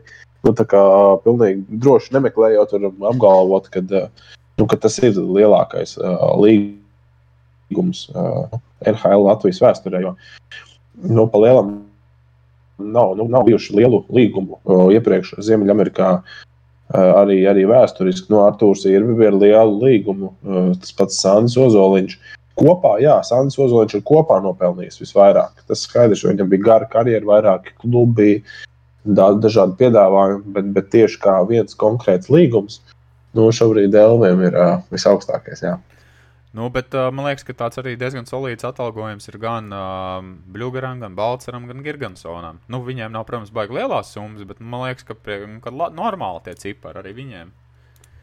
Nu, nu tur ir. Nu, tie, nu, ne, nevar salīdzināt jau īsti. Bet, uh, Nu, kas ir normāls, nu, tas ir baigi relatīvi. Nu, nu, tie ir zemi līgumi, nu, palielu. Nu, tie ir tādi līgumi, ar kuriem tu vari spēlēt 3. un 4. maiņā, un nebūs nekādu iebildumu par to, ka tev ir pārāk daudz nu, no sērijas. Tajā pašā laikā tu esi atalgots par kaut ko, ko vismaz tā, tie, tas nav. Nu, man liekas, nu, ja rēķina to, ka ja rūkija minimums, nu, ja tu neesi top 5 piks, tad tas ir uh, palielam zem miljonu. Nu, un, un, un, un šobrīd, uh, nemaldos, viņi pelna kaut kur uh, ap diviem. Visi. nu, kas kuram daudz un kas kuram maz? Mums iedod divus miljonus, mēs no priekiem biks piečurāt. Nu, kā, nē, nē, nu, bet, nu, bet, tādā līgas kop, kopējā griezumā, nu, kas var salīdzināt, jā, Girgensonam ir 2,2 miljoni. Uh, Tūlīt pateiksim, cik ir Bluegeram līgums. Uh, man liekas, viņiem bija super līdzīgi visiem līgumiem. Bluegeram šobrīd arī ir precīzi 2,2 un um, Balceram uh, arī, ja nemaldos. Kaut kur pie Domā, vairāk? Nē, bišķiņ mazāk varētu būt. Nē, viņam jā, 1,5. Nu, kā, nu, tas ir tāds, nu, tāds, tāds, tāds starta atspēriens, un šos līgumus parasti uz ilgu laiku neslēdz. Nu, ar sēriju, var aiziet. Nu, te, te ir vērts tā kā, nu, nerisk, nu, nevis neriskēt, bet nu, jā, te ir vērts riskēt tieši tā, ka Nu, jo liela iespēja pie labākas sezonas tur to dos uzreiz vairāk. Līdzīgi šā iepriekš izmantoja Oskars Bārtaļs, kas aizvadīja vienu labu sezonu, viņam iedeva līgumu, un pēc tam aizgāja baigā diezgan nu, traumas un viss pārējais. Un sakrita, nu, kad ar Filadelfijas pārmaiņām, kad pēc tam viņam tā arī tik labi, kā viņš tajā pirmajā sezonā nospēlēja. Viņš vairs tik labi nenospēlēja vispār nekad NHL, un līdz ar to viņš to izmantoja. Viņš parakstīja lielu līgumu uz vairākām pārnām. Nu, cik bija divas, trīs sezonas parakstīja līgumu. Nu, līdz ar to nu, viņš bija ieguvējis tajā situācijā. Viņš nu, izmantoja to, to tā brīža maksimumu. Varbūt drusku atgriežoties pie starptautiskā hokeja, mēs uh, Olimpijādei um, pieskārāmies, bet pārunājām. Bet, uh, pasaules uh, hokeja čempionāts un uh, Startautiskās hokeja federācijas valde. Mums jauns, būs jauns prezidents, nevis būs, bet ir jau. Vairs Renē Fāzels nav, mums ir cits jauns prezidents, un tajā uh, hokeja federācijas valdē ir arī mūsu viesturs Kozjols iekļuvis. Un viņš mums kaut ko ļoti interesantu nāk klajā. Proti, no basketbola, kā basketbolā ir 3 pret 3 Kozjāls saka, labi, bliežam arī hoķī 3 pret 3. Kā tev liekas, vai šis tāds pilnīgi inovatīvs risinājums, vai tas nostrādās, tas būtu no skatītājiem tāds acītīkams? Nē, 3 pret 3 hokejs ir noteikti skatāms un interesantāks nekā tas klasiskais 5 pret 5, bet man liekas, tas ir tikpat. Uh, Nu, es pat nevaru pat tik augstu salīdzināt, kā pasaules kausa hokeja, ko Ziemeļamerikāņi rīkoja pāris sezonas atpakaļ, cenšoties atgriezt vecas tradīcijas. Nu, viņi vienu turnīru norīkoja un saprata, ka nē, nu, nav, nav viens nav interesants spēlēt un sisties. Un, un, un, un, un, nu, tas ir, ja mēs runājam par labākajiem, nu, tad iespējams līdzīgi kā basketbolā, kur nu, 3 pret 3 nespēlē labākie basketbolisti, bet spēlē tādu, kuriem īstenībā nav izdevies izveidot to profesionālu karjeru. Nu, tas hockey formāts 3 pret 3 nu, var, var būt, var aiziet, bet ir noteikti no tādas infrastruktūras viedokļa, basketbolu 3 pret 3 var sētā spēlēt un tā tālāk.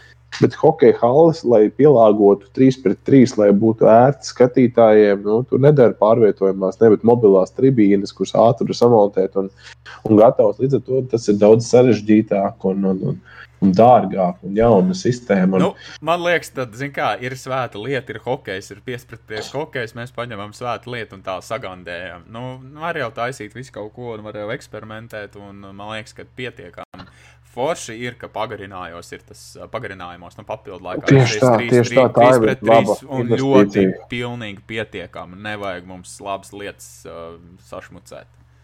Ir, ir, ir runāts, ka, jā, kad varbūt to pašu klasisko hokeju varētu kaut kā optimizēt vairāk par uz goliem, samazinot tur kaut kādā brīdī spēlētāju skaitu. Šeit bija eh, nu, pagarinājumā tas 3 pret 3, un tāpat arī pamatlaikā ir kaut kur dzirdēts runas eh, par to. Bet, eh, nu, tas, tas ir varbūt tas variants, kā varētu tā spēle attīstīties, bet tā radikāli noraut. Un papildināt, nevis noraut, bet papildināt pēkšņi ar 3 pret 3. Nu, es neticu, ka būs baigta atdeva tam visam. Es arī esmu ļoti skeptiski noskaņots, bet Kozio kungam tā nav vienīgā ideja. Ne tikai 3 pret 3, bet. Uh, šis mauc tālāk. šis mauc tālāk. Labi, nav 3 pret 3, vai 24 komandas pasaules čempionā. Kā nevis kā mums ir šobrīd 16. Jā. Tā kā, ko, tu, ko tu saki par to, ka varbūt pasaules čempionā mums būs 24 izlases? Nu, tas ir atkal tāds skatīšanās, tādā salīdzinot sevi ar, ar, ar sportiem, kur eh, nu, ir lielāka pārstāvniecība. Tas pats volejbols. Nu, pa futbolu mēs nerunājam, futbolā vēl vairāk komandas varētu likt un būt tāpat augsts līmenis. Bet nu, hokeja tā nav. Nu, hokejā ir tās 15, 16 izlases. Tas tas augstākais gals, nu, arī tā 16. brīžam ir tāda uz robežas, tāda, kas, kas pasaules čempioni tiek eh, ļoti sagrauta. Bet nu, 24 komandas, nu, tur nu, vienkārši nu, ar ko tu piepildīsi ar kādām komandām? Rumānija, Horvātija. Nu. Spānija, zinu, ka 29. vietā arī noteikti viņi kādreiz pasaules čempioni tiktu. Nu, tu atkal jautājumu, nu, kā, kam tādas spēles ir interesantas? Jā, ok, lai paplašinātu tirgu, ko Kozovs teica, viņš ir Arābu Emirātos, bez mozaīka pasaules čempionu rīkot. Nu, Jā, ok, nauda, bet, nu, ja ņemot vērā, ka nu, kā, tur no sākuma panākumi, un tad arī ne, sāka nest naudu, tas viss pārējais. Nu, tā būtu mākslīga tirgus palielināšana uz, uz un, un, un kvalitātes krišana. Nu, mēs jau redzējām Olimpiskajā kvalifikācijas turnīrā Itāliju, kas ir uh, vienmēr diezgan regulāri pasaules čempionāta dalībniece, Ungārija, kas ir bieži vien bijusi augšā lejā, nu, augstākajā grupā, tad atkal zemākajā. Uh, Nu, Latvijas izlase vienkārši tā kā ceļu rullis pārbrauc tām abām komandām pāri. Ko tad darīt? Tā, nezinu, piemēram, tā 24. izlase, kas nu pēc strānga sanāk, jā, pret, pret kādiem, pret, jā, pret, pret kādām krieviem vai vēl kaut ko. Nu, tur vienkārši būtu atkal 11-0. Nu, vai tas ir vajadzīgs? Nu, stipri šaubos. Tieši tā ir tā pārāk tā liela atšķirība starp izlasēm. Nu, hokejā, tas tas nav, nav salīdzināms sektora futbolu, kur, kur ir tāda iespēja, un tu vari palielināt komandu skaitu, jā, un, un būs tāpat augsts līmenis, un būs interesants spēles. Tā kā mēs, man liekas, abi esam vienojušies. Uh, nē, 3 pret 3 hokejam un nē, 24 komandām pasaules čempionā. Tieši tā, tur, tur nav, nav arī olimpiāda, tikai parāda to, ka Ka viņi ir reāli. Viņi ir 12 komandas tikai Olimpijādē. Un, un tas ir reāli labākais hokejs, ko redzēt. Um, tālāk, ejot uh, no hokeja uz uh, kaut ko stipri sāpīgāk, lai gan hokeja spēka paņēmiens arī ir sāpīgs, proti, par boksu. Interesanti gribētos parunāt. Tāda diezgan liela cīņa mums ir bijusi aizvadītajā nedēļas nogulē Aleksandrs Usiks pret Antoniju Džošua. Londonā šī cīņa norisinājās. Un, uh, Kādreizējais Maira brieža pārdarītājs Aleksandrs Usiks iegūst atkal jostas. Nu, man liekas, ka viņš ir kaut kāds fenomens, ne sportists. Nu, fenomens, ne sportists varbūt nē, bet nu, viņš tikai parāda to, ka viņš ir ļoti nu, talantīgs šim brīdim, bet tāpat ļoti daudz. Tāpat arī Maiks Taisons ir pateicis, vai tad no šo Nu, Uzsiks, ar ko viņš paņēma šo cīņu, uh, nu, es, es varu galīgi gaišo garām, jo es neesmu boks vismaz eksperts un, un, beigas piekristējis, bet viņš paņēma reāli nenormālu fizisko sagatavotību. Mums diezgan nu, tādu neredzētu, jo viņš visus 12 raundus kā skrēja, tā skrēja. Nu, Maiks Taisons teica, ka nu, viņš tādam skrējējam savos parājiem vecumā būtu nu, vien iezvanījis, un tur viss arī būtu beidzies. Vai tā būtu, nezinu. Bet, nu, nu, tu, nu, tu jau zini Taisonu. Nu, Rup, rup sakot, dirst viņam daudz patīk, bet vai viņam ir taisnība, es nezinu. Nē, viņš, viņš, zin, viņš var arī šobrīd uz, nu, moldēt, bet nu, neviens to nekad nepierādījis. Bet nu, tas, ka Taisons savā laikā bija kaut kāds nu, monstrs boksa pasaulē, nu, tas ir skaidrs. Nu, tam nevar nepiekrist. Tam, tam es tam pievienojos. Tad, Un tad arī boks, man liekas, bija bijis nedaudz agresīvāks un brutālāks nekā šobrīd. Tas ir jau šobrīd viņš vairāk tehnis, tehnisks, tāds aizsardzības stila un taktikas, un uz punktiem vairāk tendēts nekā, nekā viņš bija nu, gadus 25 apakaļ. Bet interesanti, ka Usika treneris, kad viņam jautāja, kur ir Usika smagākā cīņa bijusi karjerā, šī nav bijusi pret Joshua. Izrādās, treneris esot teicis, ka visgrūtākā esot bijusi tieši pret Maiju Briedi. Vai tad viņš konkrēti teica, briedi, viņš teica, ka šī vienkārši nav bijusi smagākā. Bet, nu, uh, nu, bet, viņš, bet nu, tu, liekas, citā, tu, no citām intervijām, kas ir senāk bijušas, nu, tā, tā kā liek saprast tādas, varbūt tās paralēlas var vilkt. Nu, jā, briedis bija ļoti, nu, bija ļoti līdzīga tā cīņa. Ļoti līdzīga tā cīņa bija, nu, ja salīdzinām šajā par Joshua, nu, tā nebija tik līdzīga cīņa. Nu, man liekas, ka toreiz, kad Maijas cīnījās ar Aleksandru Rīgā, tad uh, Man liekas, ka tagad teici, ka varbūt šo cīņu pret Džošovā uztiks vinnēja ar fizisko sagatavotību. Tad man liekas, ka tajā Rīgas cīņā arī tur bija tā, kurš kur noēdīs abi visu laiku kustās, ap divi izdara sitienus. Nu tā, tik aizraujošu boksu. Es arī neesmu super liels boks fans, bet tik aizraujošu boksu es vēl līdz šim nekad mūžā nebiju redzējis. Nu, tā ka visi tie 12 raundi visu laiku interesanti, visu laiku ir spriedzes, visu laiku kustība. Nav tā, ka viens ieliens stūrī, iet klinčā, jā, ka tur abi saķerās samīļo un atkal tur tiesnesis viņus skaties. Ārā, bet... Tie nebija, tie nebija smagsvari. Tagad jau uzsaks cīnījās un pārgāja smagsvaros.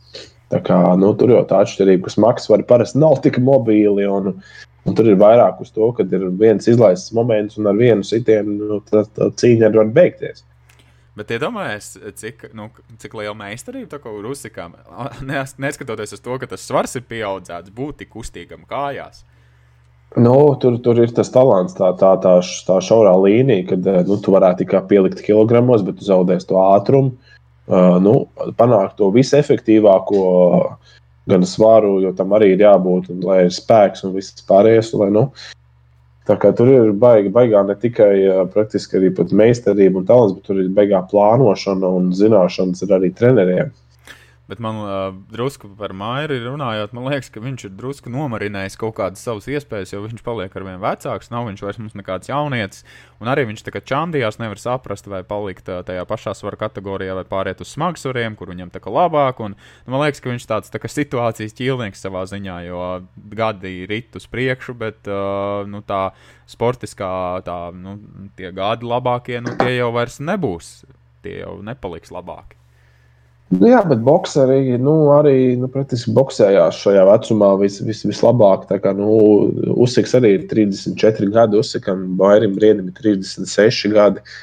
Nu, brāļi Kličko, ne brāļi Kličko. Bija brāļi Kličko. Jā, pareizi, pareizi, pareizi, Viņi diezgan, viņi man liekas, vispār virs 40 gadiem vēl boxēja. Kā, nu, Nu, tas, tas nav tik uh, viennozīmīgi teikt, ka jā, tas ir vecs un viss. Jau zinām, palielināt boxe pasaulē ir tas, ka kamēr tu tiec līdz tam top līmenim, tev ir tik ilgstošs tas ceļš aiziet, jo nevar uzreiz boxēt ar, ar, ar top svariem. Nu, tas nekas, kas ir labā uh, formā un, un, un varbūt pasaulē top formā. Vienkārši tu netiks piespējis, tev ir jāsagaida nu, soli pa solim. Un tad tas brīdis arī pienāk, kad ir tie 30 plus gadi. Man liekas, ka vienkārši, kāpēc es to saku, man liekas, ka Mairs ir nu, pazaudējis to nu, tajā cīņā apritē. Man liekas, ka viņš izkrits laukā, jo viņam kādā jau ilgākā nu, laika nav bijis cīņas. Nu, protams, arī Covid šobrīd ir palīdzējis, lai, lai tā cīņa Pēdiņā, pēdiņās, jā. Bet, nu... Bet uh, interesanti bija tas, ka uh, Maijas Briedis, cik saprotu, bija jau ar svaru 104 kg, jau pārgājis bez mazais smagsvaros. Bet tagad ir tomēr atgriezies uz iepriekšējo kategoriju un, un, un, un atkal nācies svaru nomest. Un tad jautājums, nu, ko viņš dara, lai, lai, lai tas svars tā staigātu. Daudzi skeptiķi arī smējās, nu, ka muskuļu masu tik ātri nevar uzaugt, tur ir nedaudz cita, cita masa bijusi. Speķa masa, jā, ir trak, traknais speķis ar nezinu ko. Ar, majo, no, nu, ar majonēzi un frī kartupeļiem un burgeriem varbūt ēst. Jo, jo, viņš pats, jo viņš pats ir izteicis, jā, ka viņš svēra 104 kg. Nu šobrīd es skatos, mājas briedis ir 91 kg smags. Tā kā nu, tas ir baigās. Nu, baigās, būtiski, būtiski atšķirība. Jā. Uh, labi, par, par boksi mēs, uh, kā teikt, piebeidzam. mēs piebeidzam ne pretinieku, bet tematu. Pārējām uz varbūt mūsu tādu saldo ēdienu, proti, nedēļas uzvarētājs un nedēļas neveiksminieks. Ļaušu tev sākt kā latviešiem ar netik pozitīvām lietām. Ah, ar neveiksminiekiem, ja tev jā, patīk sākt. Jā, tad, jā. Kā jau no noslēpums, jā, es neveiksminieku ļoti ilgu laiku nevaru izdomāt, un es nevaru saprast, nu, kurš tad būtu tāds. Tad, nu, šī šī vakara ziņa, ko lasīju tieši, kad um, mans neveiksminieks būs netik tuvs Latvijas klubam, klubs vai, vai, vai spēlētāji vai kā. Tas būs Kazaņs Akbars, kas spēlē KHL. Un, un viņiem bija paredzēta spēle, būs spēle pret uh, Helsinki Jokerit. Un ņemot vērā Somijas veselību iestāžu prasības, ir, kas ir šobrīd nu, krietni atšķirīgas no Krievijas prasībām, uh, Un, un, un, un visiem, visiem KHL klubiem pirms spēles Helsinkos jānodod Covid-19. Un tā kā viena analīze bija pozitīva, uh, pieņemts lēmums, ka spēlē tiek pielaisti tikai vakcinētie spēlētāji. Un tas nozīmē, ka nu, tie, kas nav vakcinēti, vienkārši nepiedalās. Vienalga, kas tas ir bijis. Piedod, es gribēju ies, iesprāgties, zinot, nu, Krievijā, kā vispār skatās uz medicīnu un uz vakcināciju. Tad no sērijas uh, Akbars komandā laukumā iziet sētniece Lēna un masieris Antons. Ja. Nu, tik traki nav, bet seši hokeji nav pielaisti. Kas ir nu, arī un tā skaitā. Tad, uh, Abi vārdsargi nav pielaisti un spēlēja pieteikts, ja nemaldos, 18 gadīgs vecs juniors, kas, kas vispār debitēs kā Hell pret Helsinki Jokeri. Nu, tā arī būs tāda. Ja pagājušajā sezonā mēs smējāmies, ka bija vairākas junioru spēles tikai tāpēc, ka vispārējā komanda ir karantīnā, nu, tad šobrīd Akbars kaut kāds līdzīgs liktenis ir piemeklējis. Cik... Un, un, un, un noslēdzot par mani neveiksminieku, kā ir ar tavu Lūzeru nedēļa. Interesanti, ka, lai gan mēs nekad nesaskaņojam, šis ir tāds, ko mēs abi katrs izlemjam un tikai pēc tam pārunājam. Arī mans nedēļas neveiksminieks ir saistīts ar hokeju. Un tas ir neviens cits kā Oļegs Naroks, kurš sākotnēji tika oficiāli pat paziņots un nosaukts kā Krievijas uh, hokeja izlases galvenais treneris Olimpijādei, bet šeku reku Krievijas hokeja federācija saka mēdījiem, nē, nē, nē, nē, nekas oficiāli nav, mēs vēl runāsim, mēs domāsim. Un beigu beigās Oļegs Naroks paliek ar garu degunu, un viņi neieceļ pa galveno treneru nu, tā liekas, ka tik šausmīgi dīvaini, ka neveiksminieks, tu esi dabūjis darbu, to izbazūnē pa visurieni. Pa, pat fed, pats federācijas vadītājs to pasaka mēdījiem, mēdīju uzrakst un beigās. Nē, nē, nē, nē jūs pārpratāt, mēs vēl tikai nē, domājām. Federācijas, federācijas vadītājs nu, ir treķeks, viņš pats tieši nav teicis. Viņš teica, pagaidi, es taču neesmu teicis, kad uh, nu, viņš būs. Nu, tur, nu, tur aizgāja. Jā, kad iespējams, ka pārāk ātri kaut kur teicās, nu, bez mazliet pirms pirms kas un ko un kā. Un, un, un pēdējā brīdī nu, ir tomēr bijusi tā izmaiņa. Jā, tā kā, bet nu, fakts kā tāds, ka nesmukums pa visu ģīmi Narokam. Noteikti. Jo... Mēs jau smējāmies, ka Znaroks būs Vītoliņam, tur asistents un kas tur ko tur būs palīgs un konsultants, bet beigās jau mēdīja raksta, ka Znaroks kā konsultants paliks Krievijas izlasē. Nu, jā, nu, tur es saku, tomēr, nu, kā, tur, tur, tur, tur ir šajā gadījumā tas, ir tas ka nauda nesmied un, un, un, un uz narakam nav tur būtiski, nu, kur tas ir. Jo viņš ir iepriekš Krievijas izlasē bijis. Un, un ar panākumu, ja vien, vienīgi viņš nebūtu izmests iepriekš no izlases tā tik brutāli un iespējams, nu, tad arī. Arī iespējams, viņš būtu kā galvenais treneris, bet nu, par to runāja, ka nu, kā viņš šitā te izmet un tad ņem apakaļ. Nu, viņš beigās glābējs būs, nu, tur aizgāja iespējams kādam tas baigi nepatika. Un, un, un tur, nu, nu, Krievu stilā, Krievu stilā tā situācija atrisinājās. Krievu drāma. Uh, bet par pozitīvām lietām runājot, kas ir tavs nedēļas uzvarētājs, jeb nedēļas veiksminieks? Drumroll, mans uzvarētājs ir uh, Kitija Laksa. Uh. Un, un, un, Kitija Laks, uh, spēlējot Itālijā, izcīnīja superkausu. Un, un, un, un viņa ne tikai izcīnīja superkausu, bet viņa pirms pamatlaika beigām gūta divus punktus ar sodu, kas izrādījās uzvaru nesošie. Līdz ar to viņa ir izcīnījusi gan superkausu, iemetus uzvaras metu, un viņa ir apbalvota ar MVP balvu. Tā kā viņai ļoti, ļoti pozitīva nu, spēle sanākusi un vispār visas turnīrs tri, trīskāršais kaut kāds dublis, pēc mazliet, nu, kad trīs, trīs tās sadaļas saliekās. Man tāds rītīgs līderis, cienīgs sniegums sanāk, nu, tā, tā var teikt. Nē, nu, man liekas, ka sieviešu basketbols jau Latvijā ir labā līmenī, un viņš ir pietiekami populārs. Es tikai priecājos, ka, ka mūsu meitenēm arī panākumi ir. Tiesa gan viņi kopā spēlē tikai 11 punktus, guva, bet nu, Kitija Laks ir bijusi tā izteiktā, nu, tā, tā šūtere sievietes basketbolā, nu, kas punktu guvēja, latviešu sakot, nu, kas, kas arī pierādās spēlējot ārzemēs tagad. Cik interesanti, ka mums gan neveiksminieki, gan uzvarētāji ir uh, tematiski vienos sporta veidos. Proti, mans nedēļas no, no. uzvarētājs ir Denveras Nuggets basketbolists Maikls Porters juniors, kurš ir parakstījis piecu gadu līgumu par 207 miljoniem ASV dolāru. Uh, Bet kāpēc tas liekas kaut kas tik ārkārtējs un tik, uh, varbūt, kāpēc viņš ir veiksminieks? Uh, respektīvi, uh, Maiklam Porteram junioram bija ļoti smags savainojums. Uh, viņam bija jāveic muguras operācija. Un, uh, ja viņam nebūtu bijusi šī muguras operācija, iespējams, 2018. gada NBA draftā viņš būtu viens no pirmajiem numuriem, top 3 piks. Bet uh, sa saistībā ar šo savainojumu viņš nokrita līdz 14. numuram. Viņi izvēlējās Denveru, un pirmo gadu viņš vispār nespēlēja. Viņš izlaida līdzīgi kā Joels Mbīts, kurš arī savainojuma dēļ 76 ar pirmo sezonu vispār neaizvadīja. Un tad, kad viņš sāk spēlēt, viņš ļoti iespēlējās.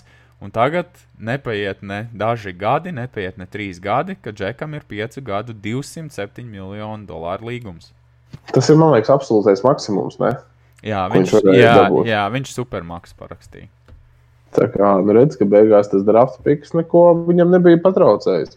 Nu, tur jau tā lieta, ka visi jau, nu, neviens jau nevienā brīdī jau viņa talantu neapšaubīja. Man liekas, veiksmīgs tādā, tādā ziņā, bez mazliet tevis salauztu mugurā. Ja? Tev tur beigās uh, izvēlās tur kaut kādu patsmito, tu veselu gadu izlaidi, bet tu atgriezies, tu pierādi un tu dabū lielo vēl kāpostu un ļoti lielu kāpostu. Nu, rep, tas tikai pierāda to, ka padoties nevajag nevienā situācijā. Ne. Nu, ko mēs nu, esam savus, tā... jau šādas pozitīvas nots, mēs esam savus jā. tematus izsmēluši, piedod izraut tavu vārdus no mutes. Bet jā, es... jā, precīzi, vismaz tu domāji tieši tāpat, kā es. bet es vēl gribēju piebilst, jā, ko sākumā tu arī ieminējies. Paldies, jā, ikvienam, kas klausās, kas noklausās līdz beigām, ka mēs esam atvērti ierosinājumiem, kritikai, vēl kaut kam, tikai kā mums to visu uzlabot, gribam ar vien labāku un foršāku, un jā, priecājamies jā, par katru, kas klausās, un paldies, jā, un pastāstiet saviem draugiem draugiem, radiem, tantēm, nezinu, kolēģiem, vēl kaut kas, lai sporta podkāsts divsolis iziet vēl lielākā pasaulē. Tieši tā, tieši tā. Runāt vajag. ne tikai, ne, ne tikai divsolī runāt vajag, bet arī, arī par divsoli runāt.